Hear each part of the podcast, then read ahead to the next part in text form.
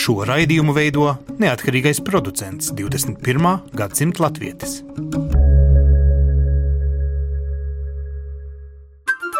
Lai kur mēs būtu, Lai kur mēs būtu, Lai kur mēs būtu, Lai kur mēs būtu, Tie esam mēs. tie esam mēs. mēs Tie esam mēs. Mēs.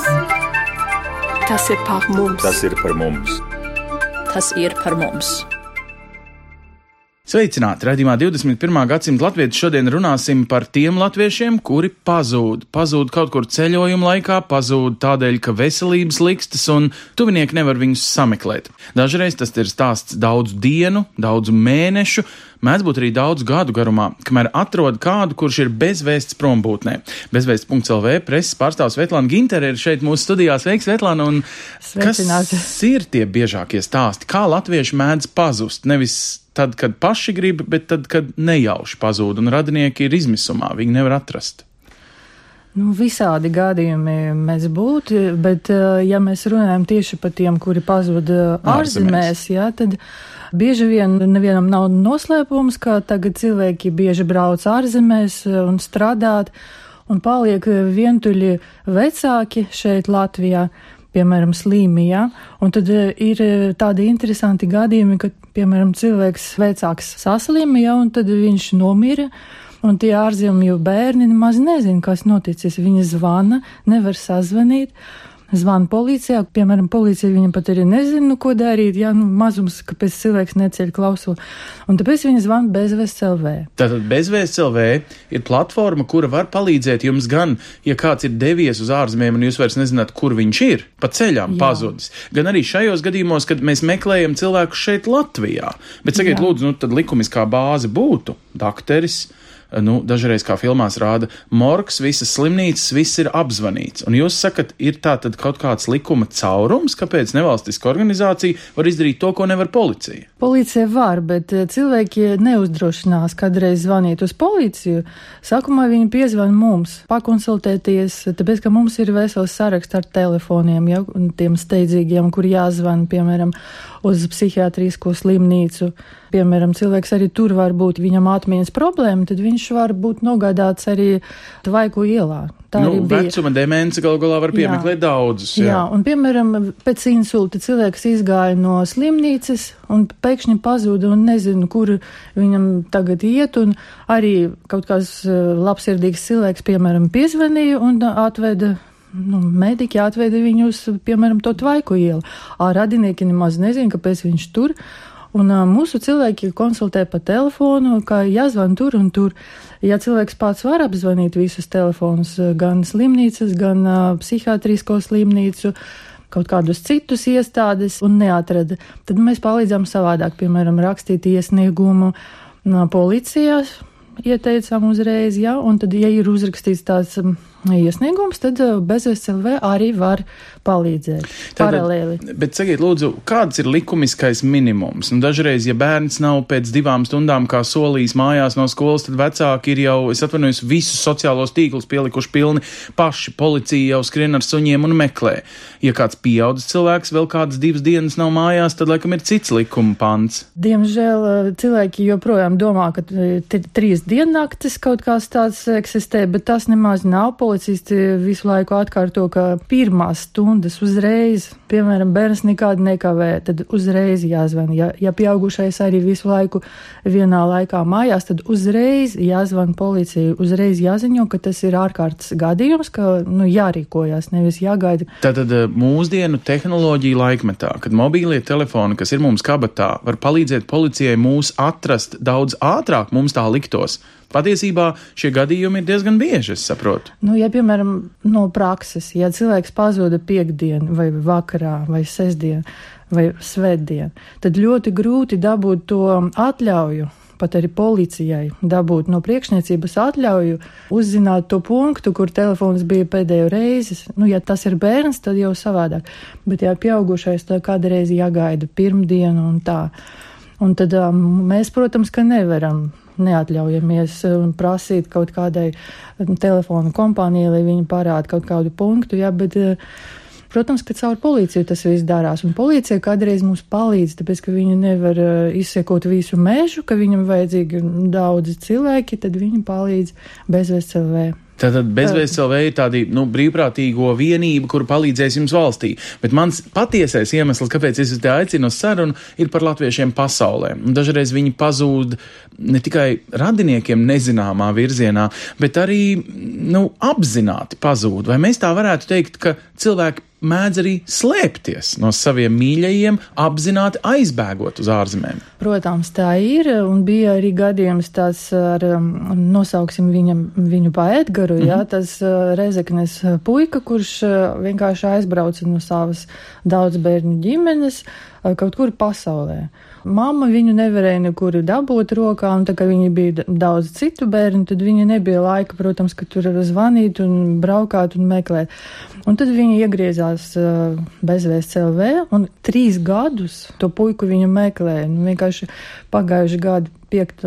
aprīlī atceros, ka tagad, ka viņš bija atrasts pateicoties, es uzskatu, mūsu Jūlija Varonina, arī viena aktiviste, ja, brīvprātīga, kura izmeklēja visu internetu un atrada, ka Spānijā viņš reģistrēts sociālā dienestā, kā vai nu bezdarbnieks, nu, ka viņš saņēma sociālo pabalstu. Un tā mēs sākam meklēt, meklēt, meklēt, un ar policiju arī ārzemēs, un tad bija interesanta tāda laba ziņa, kā Francijas policisti atraduši Edgaru, bet nevis Spānijā, kā bija paredzēts, kā mēs domājam, bet Parīze pašā centrā. Tātad viņš, viņš bija paspējis gan bulvāri. Bet no šejienes, no pilnīgiem austrumiem aizbraukt uz dienvidu rietumiem pāri visam kontinentam, un tad vēl pusceļā atgriezties līdz Parīzei, nu, kas ir vienkārši liela metropola un cilvēkiem, kam patīk dzīvot pārsvarā uz ielas, es saprotu, Edgars dzīvoja, viņš, nu, kā saka, atrada to lielpilsētu kā labāku vietu, kur Jā, un viņš pie kādas kafejnīcas vienkārši viņam tur nokārtota vietiņa, nu, tā kā, ja jūs zināt, tie klošāri, tie saucamie. Mm -hmm. Būtībā viņš strādāja par ubagu. Viņš ubagoja. Jā, bet kā viņš pateica, nu, kā mēs izdomājam, nu, ja policisti no, Rozi, no Reziknēs uzrakstīja, kā tre, kur mēs viņu atradām, tad acim redzot, ka pārtrauksim to meklēšanu, ja cilvēks atrast, bet uh, mammai tagad vajadzēja viņu savākt kaut kā no turienes. Bet mammai nebija ne līdzekļu, ne, nu, nekāda saprašanas, kā to vispār izdarīt. Un uh, mamma arī palūdza bezvest LV palīdzību. Viņa saka, nu, lūdzu, iztulkojiet uz angļu valodu un uh, uz franču valodu to sludinājumu. Mēs viņu ieliksim kaut kur internetu vietnē. Nu, mēs jau atkal uztaisījām tādu sludinājumu pa visu pasauli, un mums jau atradies cilvēki, kuri franciski iztulkoja, angliski, un mēs ievietojam, arī izvietojam to sludinājumu, un tad atradās cilvēks brīvprātīgais no Francijas, kurš gribēja vienkārši atnākt pie tā vīrieša un aprunāties, un pat arī pa skaipu sazināties ar mammu lai notiek tā saruna, lai tā mamma varētu viņu pati mutiski pierunāt atgriezties uz Latviju. Nu, un kā tas nostrādāja? Es saprotu, šis nav stāsts ar laimīgām beigām, Edgars nav Latvijā. Jā, diemžēl viņš nav Latvijā, bet tas viss nostrādāja. Trīs cilvēki, trīs reizes gājuši pie viņa, aprunāties. Sākumā vienkārši, kad viņš dzirdēja, ka latviski runā, tad viņš vismaz nu, tā atkus un tā saka atbildēt. Un viņš saka, nē, paldies, ja man vajadzēs, es pats nofotografēšos un pats aizsūtīšu mammai, tā kā man ir nauda aiziet uz internetu salonu un viņa aizsūtītu savu bildi. Bet, bet nebija šis kontakts. Kontakts bija, bet viņš saka, Es padomāšu, es pats atnākšu varbūt uz to Latvijas vēstniecību, tā kā Latvijas vēstniecība piedāvāja viņu nevis nogādāt, bet noformēt visus dokumentus, lai viņš varētu tikt mājās. Ir tāds atgriešanās fonds, ko Latvijas valsts var Jā. palīdzēt gadījumā, ja cilvēki ir nelaimē Jā. un, nu, piemēram, viņiem nav naudas. Jā, bet Edgaram pašam arī vajadzēja kaut ko izdarīt. Viņam vajadzēja vienkārši atnākt uz to vēstniecību. Joprojām, jau 5. aprīlī būs gads, joprojām viņš nav nonācis līdz tai vēstniecībai. Tātad cilvēks ir jau četrus gadus apzināti pats prom no mājām, vēl ir nepilngadīgs, es saprotu. Ne, viņš jau tagad pilngadīgs. Nu, tad jau viss kārtībā. Tad Edgars pieņem pats savus lēmumus, un uh, mēs nevaram viņam nedz ko pārmest, vienīgi ar nožēlu secināt, ka šādi stāsti arī ir. Šajā mirklī varbūt ir vērts ieklausīties tiešām, kas ir ar cilvēkiem, kuri nonāk ārzemēs, piemēram, apzakti vai kā savādāk, kādai palīdzībai viņi var uh, vērsties pakaļ Latvijas uh, oficiālajās pārstāvniecībās vai jebkurā Eiropas Savienības valsts vēstniecībā jebkurā pasaules valstī. Man kolēģi Paula Gulbinska runā ar Latvijas konsulātu. Nu, mūsu ikdienā visbiežāk eh, ir sastopami tie gadījumi, kad cilvēki ir palikuši bez ceļošanas dokumentiem ārvalstīs, tātad vai nu tie ir nozagti vai kādā citā veidā kļuvuši nederīgi, tas ir vislielākais tādu gadījumu skaits. Protams, ikdienā mums nākas eh, darboties arī ar cilvēkiem, kas ārvalstīs ir aizturēti, kas ārvalstīs ir miruši dažādu iemeslu dēļ un eh, nonākuši slimnīcās, arī tāda ir mūsu ikdiena, un diemžēl ir arī tādi, kuri ir dažādu apsvērumu dēļ palikuši bez finanšu līdzekļiem ārpus Latvijas robežām. Kā šādās situācijās jūs varat palīdzēt? Viens, protams, ir vispirms eh, informācijas sniegšana, ko darīt tālāk. Es pieļauju, ka situācijās, kad ir problēmas, eh, panika ņem virsroku un ir grūti saprast, kā tālāk rīcības soļi. Protams, es sākušu ar to, ka mums ir pieejams 24 stundu konsulārā departamenta dienakts tālrunis, kas ir 263 77711.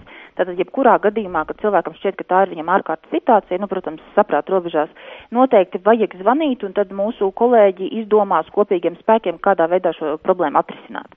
Ja runājam par uh, ceļošanas dokumentiem, teiksim, kur ir zuduši, ja, tad visbiežāk tiek izsniegti pagaidu ceļošanas dokumenti, tātad, ja valstī, kur tas ir noticis, ir Latvijas vēstniecība vai pārstāvniecība, tad, tad to dara mūsu kolēģi. Ja nu tā ir tik tālu eksotiska valsts, ka Latvijas vēstniecības tur nav, tad mēs ļoti cieši sadarbojamies ar Eiropas Savienības valstu pārstāvniecībām, un tad mūsu vārdā to izdara viņi. Par uh, slimnīcās nonākušiem ārstniecības iestādēs. Nu, tur, diemžēl, lielākā problēma, tāpat kā nāves gadījumos, ir tas, vai cilvēks ir bijis apdrošināts. Ja cilvēks ir bijis apdrošināts, visticamāk, nevienā ne otrā gadījumā viņš par mūsu klientu nekļūst. Tā ir apdrošināšanas kompānija, kur sēdz pirmkārt visus izdevumus un arī organizē visus loģistikas jautājumus, lai tuviniekiem nebūtu lieku rūpju un lieku pārst, pār, teiksim, uztraukumu. Nu, un aizturētie tādiem žēl arī mums ir diezgan liela ikdienas darba daļa. Eh, kur, jāsaka godīgi, teiksim, tās valstis, kurās mūsu valstspiedrīgie tiek aizturēti, kļūst arvien tālākas un eksotiskākas, kas, protams, ļoti lielā mērā ierobežo arī, teiksim, tās konsulārās palīdzības sniegšanas iespējas. Bet uh, tur konsulārās departaments patiesībā iesaistās tik daudz, ka pārliecinamies, ka viņu apietās tieši tāpat kā ar vietējās, eh, vietējiem citu, citu valstu, teiksim, ieslodzītajiem, ka viņu tiesības netiek pārkāptas, ka viņam ir tūks, viņam ir aizstāvis nodrošināts Nu, bieži vien mēs esam kā saziņa, teiksim, starp šo ieslodzīto, ja tas ir atļauts, ja viņam vispār ir iespējas eh, ļauts kaut kādu saziņas eh, veidu saņemt, starp viņu un ģimeni Latvijā. Viens no veidiem, kas ir arī pieejams kā palīdzība pēdējos gados, ir šī naudas aizdevums, mm -hmm. ja finansiālā mhm. palīdzība. Mm -hmm. Varbūt par to var pastāstīt. Jā, nu jāsaka tā, tiklīdz kā mums šāda iespēja parādījās, tas bija diezgan uh, bieži pieprasīts pakalpojums, ja to tā var teikt, jo principā tā nav nauda, ko mēs iedodam, bet tā nauda, kas tiek aizdota un tikai vienam mērķim, lai cilvēks varētu atgriezties Latvijā, tā kā tur nav paredzēta ne medikamentu iegāde, nevien tas nav tieši saistīts ar šo atgriešanās brīdī vai, vai jaunu drēbi vai citu, citu priekšmetu iegādē, bet tas ir tīri, lai cilvēks varētu atgriezties un būt drošībā mājās. E, jāsaka tā, nu, cilvēki mēdz būt dažādi, protams, mēs izsveram katru gadījumu ļoti individuāli un rūpīgi, bet aizdevums tiek izsniegts tikai tādā gadījumā, ka mēs tiešām esam godīgi pārliecinājušies, ka ne tuvinieki, ne radi, ne draugi, ne arī pašvaldība, kurā cilvēki dzīvo, viņiem nav iespējas palīdzēt konkrētajā situācijā. Un vēl kas ir būtiski, ir vienmēr tiek ņemts vērā par to, nu, cik tā situācija ir bijusi vai nav bijusi atkarīga no paša cilvēka. Ja cilvēks jau apzināti ir nopircis biļeti vienā virzienā, nu tad eh, es neteikšu, ka mēs viņam nepalīdzēsim, bet vienmēr tie gadījumi tiek ļoti rūpīgi izvērtēti. Mm. Naudiņa tiek aizdota, viņa tiek aizdota uz laiku līdz trim mēnešiem, šī laikā cilvēkam nauda ir jāatmaksā. Uh, um, vēl var pagarināt uz vēl trim mēnešiem, tad kopumā tie ir seši mēneši, kur laikā nauda ir jāatmaksā. Ja gadījumā tas netiek izdarīts, tad mēs nododam lietu uz vērnātiem tiesu izpildītājiem, kur, kuriem ir tad tiesības vērsties pret personas mantu kustamu un nekustamu. Tas rezultātā nozīmē, ka pa, dažkārt pat dažu desmitu eiro dēļ cilvēki nonāk diezgan lielās nepatikšanās, jo tā, protams, ir piespiedu piedziņa un tas nekad nav patīkami, tas nav lēts. Un jāsaka, godīgi no aizdotās naudas summas mums tikai apmēram 30% tiek atmaksāts. Tā kā, nu tā, es ne, negribu teikt, ka tā vienmēr ir negodprātība, var jau būt, ka tiešām arī ir finansiāli apsvērumi, ja, bet nu, dažkārt tās summas aizdotās nav lielas. Par šo aplikāciju ceļot droši un kādos gadījumos ir vērts tajā ielūkoties, jo es pieļauju, ka daudziem ceļotājiem tā ir telefonā, bet eh, nezinu, vai visi pārbaudīs viņu pirms dodas izvēles savu eh, kaut vai atvaļinājumu galamērķi vai, vai tiešām ilgāku laiku paceļot ārpus Latvijas. Nu, manuprāt, viņa ļoti izdevīga. Patiesībā ir tāda mini Latvijas ārlietu ministrijas mājaslapa savā tālrunī, tad var droši paskatīties, tur var ļoti operatīvi sagatavoties ceļojumam, tad pārliecināties, vai visi soļi ir izpildīti un, un, un cilvēks var droši doties, vīza, pasa, viss, viss ir nokārtots. Un, um, pirmkārt, ļoti viegli ir sazvanīt mūsu dienakts tālruni, par kur jau es uh, minēju. Tur ir vienkārši jānospiež sarkana podziņā call, kas nozīmē, ka savienojums tiek veikts automātiski, nav jāmeklē tālruņa numurs, kāds no viņš tur bija, daļu atceros, daļu neatceros. Um, ir arī mūsu vēstniecības saraksts, pie kam ne tikai saraksts, bet arī ar visām fotografijām. Tā kā jau cilvēkam ir vajadzība atrast mūsu pārstāvniecību, viņš var arī bildītai sekot un atrast to karodziņu Latvijas, kur viņš karā, karājas.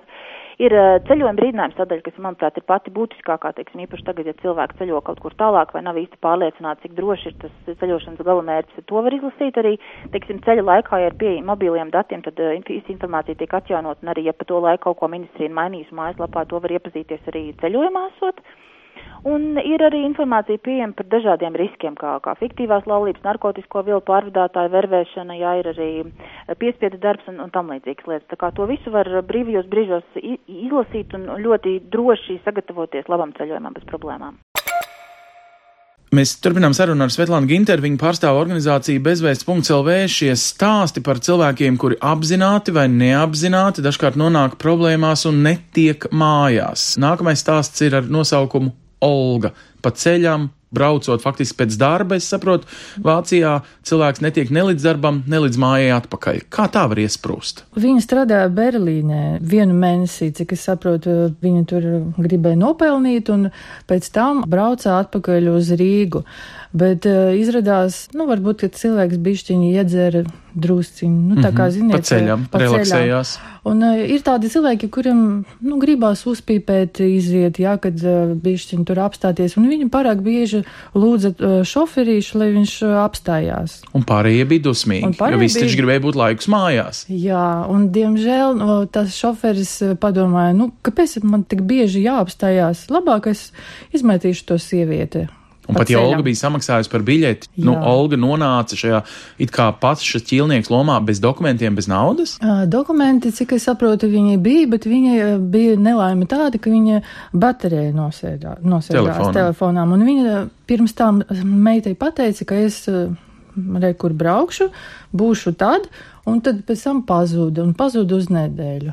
Un Olga ar kājām gāja mājās, atvainojiet. Cerams, ka nē, bet ā, nu, tā kā visu gluži mēs nevaram stāstīt, tā kā mēs Jā, arī protams. nezinām, mums jau rādinieki nestāsta. Bet labi, ka viņu izsidināja ne tukšā kaut kur mežā, ja, bet pie benzīntankā. Bet uh, cilvēks uh, vai nu ar taksi braucis uz Berlīni atpakaļ, un tur kārtoja atkal biļete vai kaut kā tā tur bija, bet pēc nedēļas varēja tikt mājās. Un skaidrs, ka meita par šo laiku nesagaidījusi mammu no autobusiņa izkāpjot, vienkārši sanervozējās. Un pirmais, kam viņa lūdz palīdzību, automātiski esat jūs. Jo es vienlaikus esmu dzirdējis, ka arī Latvijas policija nu nav tā, ka skrien pa galvu pa kaklu pirmajā mirklī. Mēs esam dzirdējuši arī aizkadrā pārmetums pat no Interpol cilvēkiem, kuri saka, ka Latvijas policija nav pirmā visatsaucīgākā tad, kad lūdz palīdzību Latvijas varas iestādēm. Nu, diemžēl par policiju mēs neko nevaram komentēt, ne sliktu, Labi. ne labu, bet, uh, kad mēs griežamies, viņi, protams, ka labprāt palīdz, bet uh, šoreiz kaut kāda paziņa uh, ieteica tai meitai piezvanīt uz bezvests un pajautāt, kā jārīkojās. Un tad bezvests pateica, pirmkārt, jums vajag iesniegt iesniegumu policijā, tad mēs varam kaut ko darīt. Savādāk, ziniet, piemēram, vīrs izsludinās sievu, izrādās, ka viņa, ar viņu viss kārtībā, un pēc tam mēs dabūsim problēmu. Tāpēc tikai ar iesniegumu policijā. Un tad viņi to izdarīja, un līdz ar to tad eh, bezvests saka caur saviem uh, brīvprātīgiem Vācijā izplatīt sludinājumu, vai jūs gadījumu neredzēja tādu sievietu, kura gāja tur un tur, un, tad uzreiz liecinieki sāka mums rakstīt, un nu tā tas viss notiek. Jūs gribat teikt, ka vienā četru kā minimums, es domāju, miljonu lielajā Berlīnē. Cilvēki, liecinieki var uz ielas atpazīt kādu, kurš varētu atbilst, piedodiet, kaut kādas pusotru tūkstoti prom no Berlīnes esošas nevalstiskas organizācijas aprakstam internetā un turklāt vēl varbūt ne, ne ideālā vācu valodā.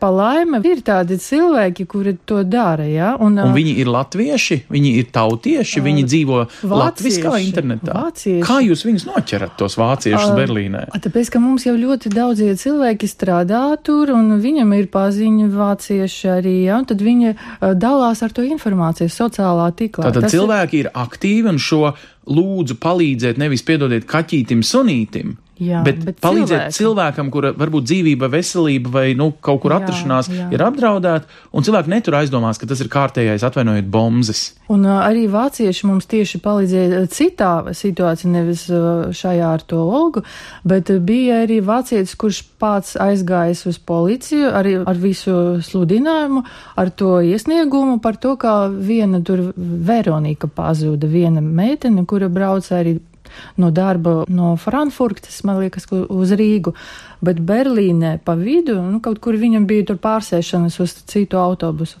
Tur kaut kādi cilvēki arābu izskatā, viņi piedāvāja izdzert kafiju. Un tad viņa piekrīta, un kas tur bija tā kafija, neviens nezina, bet eh, pēc eh, 11 dienām tikai mēs viņu varējām atrast. Un tur bija tas vācietis viens, kurš pats eh, labprātīgi mums iztulkoja uz vācu valodu to sludinājumu. Pats aizgāja uz policiju, uzrakstīja iesniegumu, ka tāda sieviete pazuda. Un tad viņš tieši mums palīdzēja. Kā, pēc tam vēl viena bija dāma, bijušā darba kolēģi, šī tā Veronika, kura pa ceļām pazuda. Un tā dāma arī uh, palīdzēja tieši sarakstē, kad uh, tā meitene sāka rakstīt SMS visiem, bet viņa nevis uh, mammai rakstīja, bet kāpēc bijušiem kolēģiem.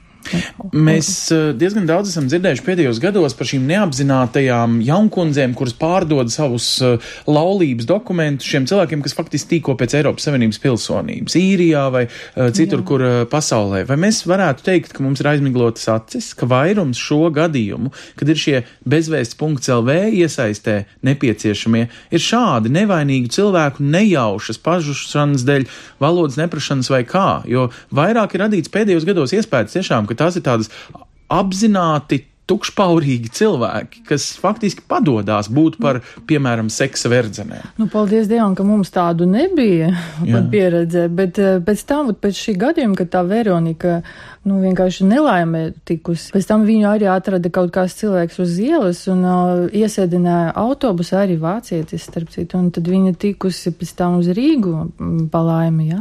Un tad uh, pēc tam es, mm, es kā žurnālisti nointervēju policijas um, vienu pārstāvi, kurš pastāstīja, ka tiešām ir tādi gadījumi un brīdināja, kā pirms braukt uz ārzemēm vajadzētu brīdināt savus vecākus un savus un visu ko.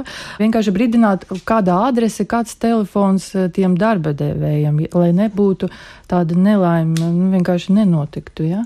Un tad uh, mēs arī to savā vietnē bez SLV ievietojam visu to interviju, un tad, eh, acīm redzot, cilvēkiem tas arī palīdz. Tā kā mēs izglītojam. Sakiet, lūdzu, statistika. Ir labāka vai sliktāka? Kad ir tas pozitīvais noslēgums? Bija vienkārši bija kaut kāds, nezinu, prāta aptumsums, naudas trūkums vai kaut kāda valodas neprašana pa ceļam, vai biežāk ir kaut kādi bēdīgie gadījumi, ka cilvēks nav apdrošināts, cilvēks nav laicīgi pats sevi pasargājis, ir nokļuvis kaut kādu garnaģu vai citu sagūstījumā. Tik daudz gadījumu nebija, es strādāju ar bezvēsti tikai gadu, nu, bišķiņ vairāk, bet eh, pa šo gadu tikai jau tagad sākuši aptvert to visu ārzemju statistiku, tāpēc agrāk bija tā kā tikai pa Latviju meklē, bet šoreiz mēs kaut kā tā plašāk sākām strādāt, tā kā, nu, pa statistiku laikam agri runāt, bet tomēr ir cilvēki, kuri, kā piemēram Lietuvā bija gadījums, arī cilvēks braucis ar savu mašīnu, un vienkārši cilvēkam var palikt slikti ar sirdī. Protams. Un viņš, viņam bija tāds maršruts ā, Latvijā, Lietuvā un Polijā. Tātad viņš pats bija tālbraucējs šofērs. Nē, viņš bija vienkārši ar savu tādu, nezinu, Privātu mašīnu. kaut kādu džipu braucis, mm -hmm. nu, ka- pa kaut kādām darīšanām. Jā. Un pa ceļām kaut kas noticis. Arī viņu meklē bērni, un viņš nevarēja tikt eh, ne uz, uz to galvu punktu, ne atpakaļ. Un izrādās, ka viņam vienkārši kaut kas palika slikti ar sirdi, un viņš iebraucis mežā, un gāzi viņam bija, tā kā viņš eh, ar to gāzi jau braucis pa kaut kādu tur mazu ceļiņu. Un kamēr viņu atrada, arī meklējām mēs, meklēja Lietuvas policisti, un Lietuvas policisti tieši atrada kopā ar uh, Dēlu.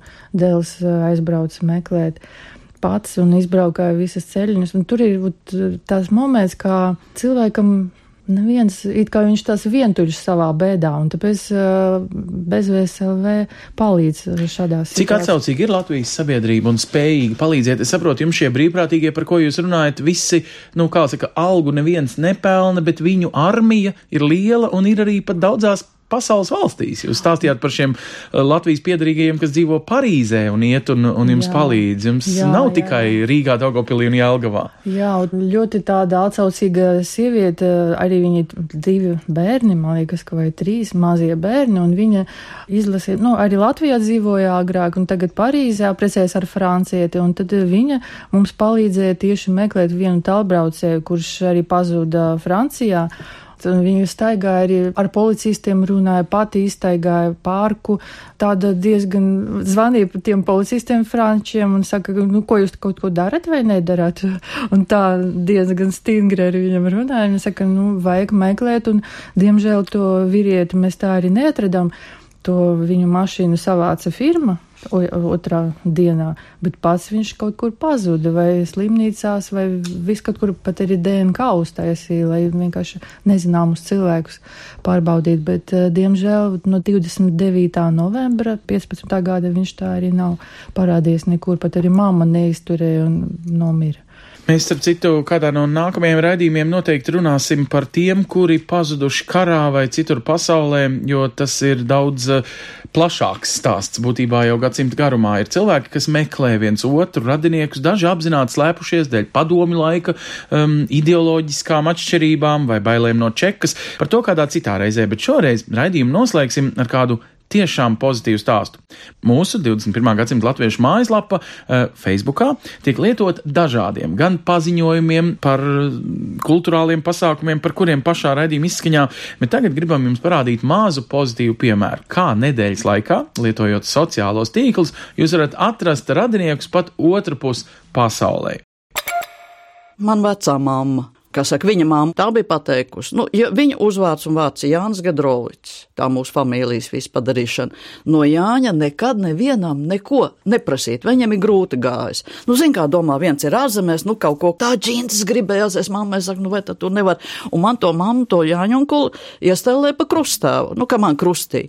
Nu, raugu, viņa teica, nē, nav brīvu, un vecā mamma bija tas babuls, kā teica, tā bija, vai ne? Nav brīvu. Cik es atceros, tas bija kaut kur vācu laiks, vai viņu uz ielas saķer, vai kur, nu, nu teiksim, ne jau pats brīvprātīgi gāja tajā armijā.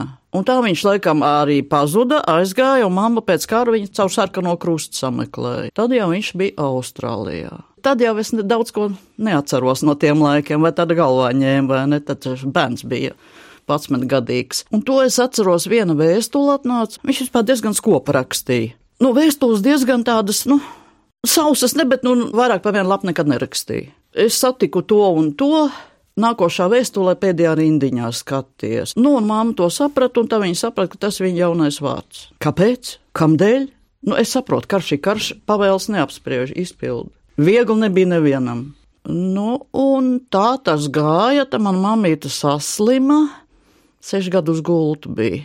Es pārcēlos uz purcēm, viņa mainīt negribēja. Nu, tas atkal tā, lai jūs saprastu, vai ne? Es tā braucāju šurp turp.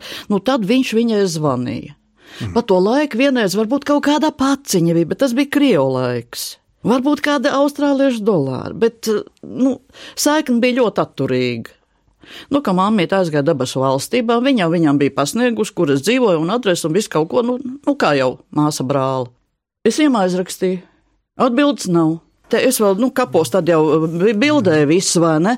Un tur viss tuvinieki. Vecais tēvs, vecā māma un visi tie pieci bērni vai četri, cik viņš tur piektais. Nu, un tā es aizsūtīju viņam to bildu un aprakstīju, kā nu tur gāja, ka mammīte ir aizgājis viss.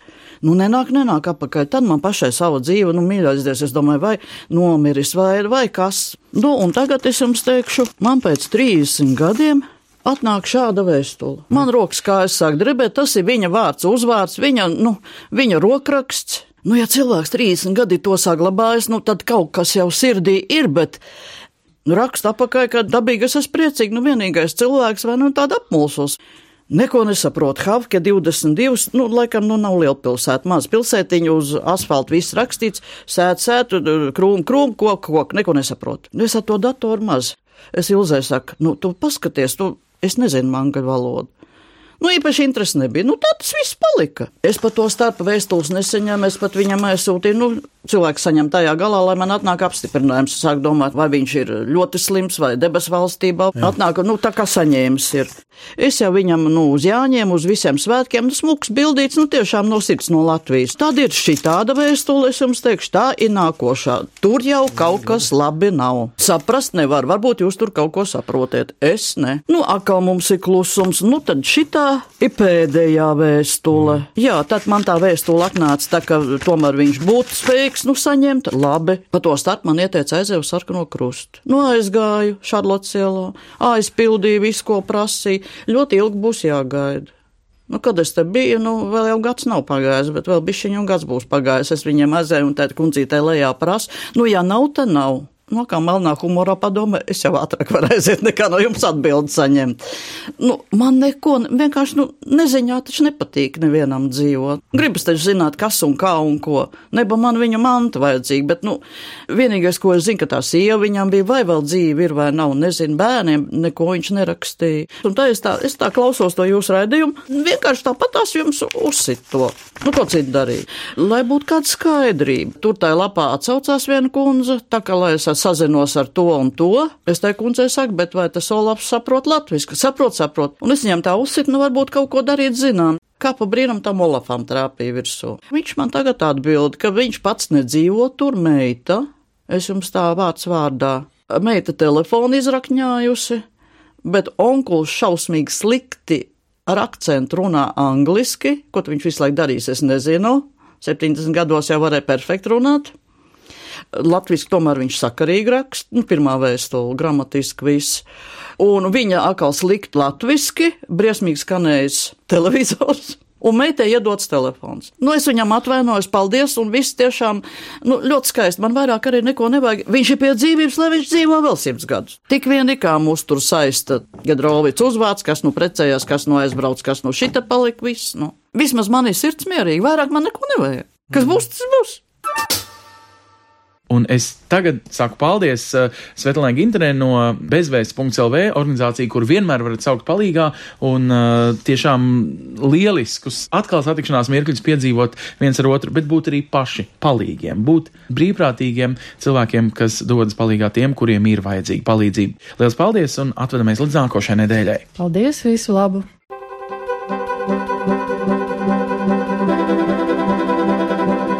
Sadarbībā ar, Ar Latviešu.com piedāvājam, globālais latviešu notikuma apskats, kur ir tur rodas. kur ir tur rodas. Tas ir par mums! Šajās dienās no 24. līdz 26. februārim Baltiešu Kristīgās apvienības mītnē Annabergā Bonnā notiek otrais mūzikla Eslingena kopmēģinājums. Trešais mēģinājums ir paredzēts maijā Vācijas pilsētiņā Hedesheimā. Kā jau iepriekš informējām, no 16. līdz 18. jūnijam norisināsies vērienīgais sarīkojums Eslingenas dziesmu svētkiem 70. To rīko Študgartas biedrība un Latviešu kultūras biedrības saime par godu 70. gada dienai kopš lielākajā latviešu bēgļu nometnē Vācijā notika dziesmu svētki. Eslingenā šogad pulcēsies vairāk nekā 500 dalībnieku, dejotāju un dziedātāju no visas pasaules. Kopumā ir pieteikušās 29 mākslinieckās grupas, tā skaitā 13 kori, 12 tautisko deju kopas un 4 folkloras kopas. Pavisam tiek gaidīti dziedātāji un dejotāji no 11 valstīm. Bet šīs nedēļas izskaņā norisināsies Filadelfijas Brīvo Latviju biedrības gada sapulce. Tajā būs iespējams uzzināt par aizvadītā gada notikumiem, kā arī piedalīties biedrības 125. jubilejas gada kalendāra plānošanā. Savukārt 4. martā Filadelfijas Brīvo Latviju biedrība aicina piedalīties saviesīgajā notikumā par godu biedrības 125. jubilejai. Toronto Svētā Andreja draudzes nedēļas nogalē aicina uz dievkalpojumu ar dievgaldu latviešu un angļu valodā, bet Minneapolis St. Paulas latviešu evaņģēliskā luteriskā draudzene rīko dievkalpojumu ar dievgaldu. Tikšanās reizē gaidāma draudzes darbinieku ievešana amatā. Pasākumā piedalīsies arī draudzes koris, kā priekšnesumam sekos sadraudzības pasākums. 3. martā Kanādas Latviešu centra Umurkumurā arhitekts Andris Rozes stāstīs par pārsteidzošo ieceri Rīgas mugurkauls. Notikuma laikā kopā ar Andru Rozi būs iespējams apskatīt viņa mīļākās Rīgas ielas un iepazīt spožo projektu. Plašāku informāciju par daudziem citiem gaidāmajiem notikumiem, kas saistoši visā pasaulē dzīvojošiem latviešiem, meklējiet portālā latvieši.com notikumu sadaļā, 21. gadsimta latviešu Facebook lapā, kā arī daudzās, jo daudzās latviešu kopienu mājaslapās pasaulē. Raidījumu veido Ancis Bogustovs, Paula Gulbinska, Arta Skuja un mūsu ārzemju korespondenti. Raidījuma producents Lukas Rozītis.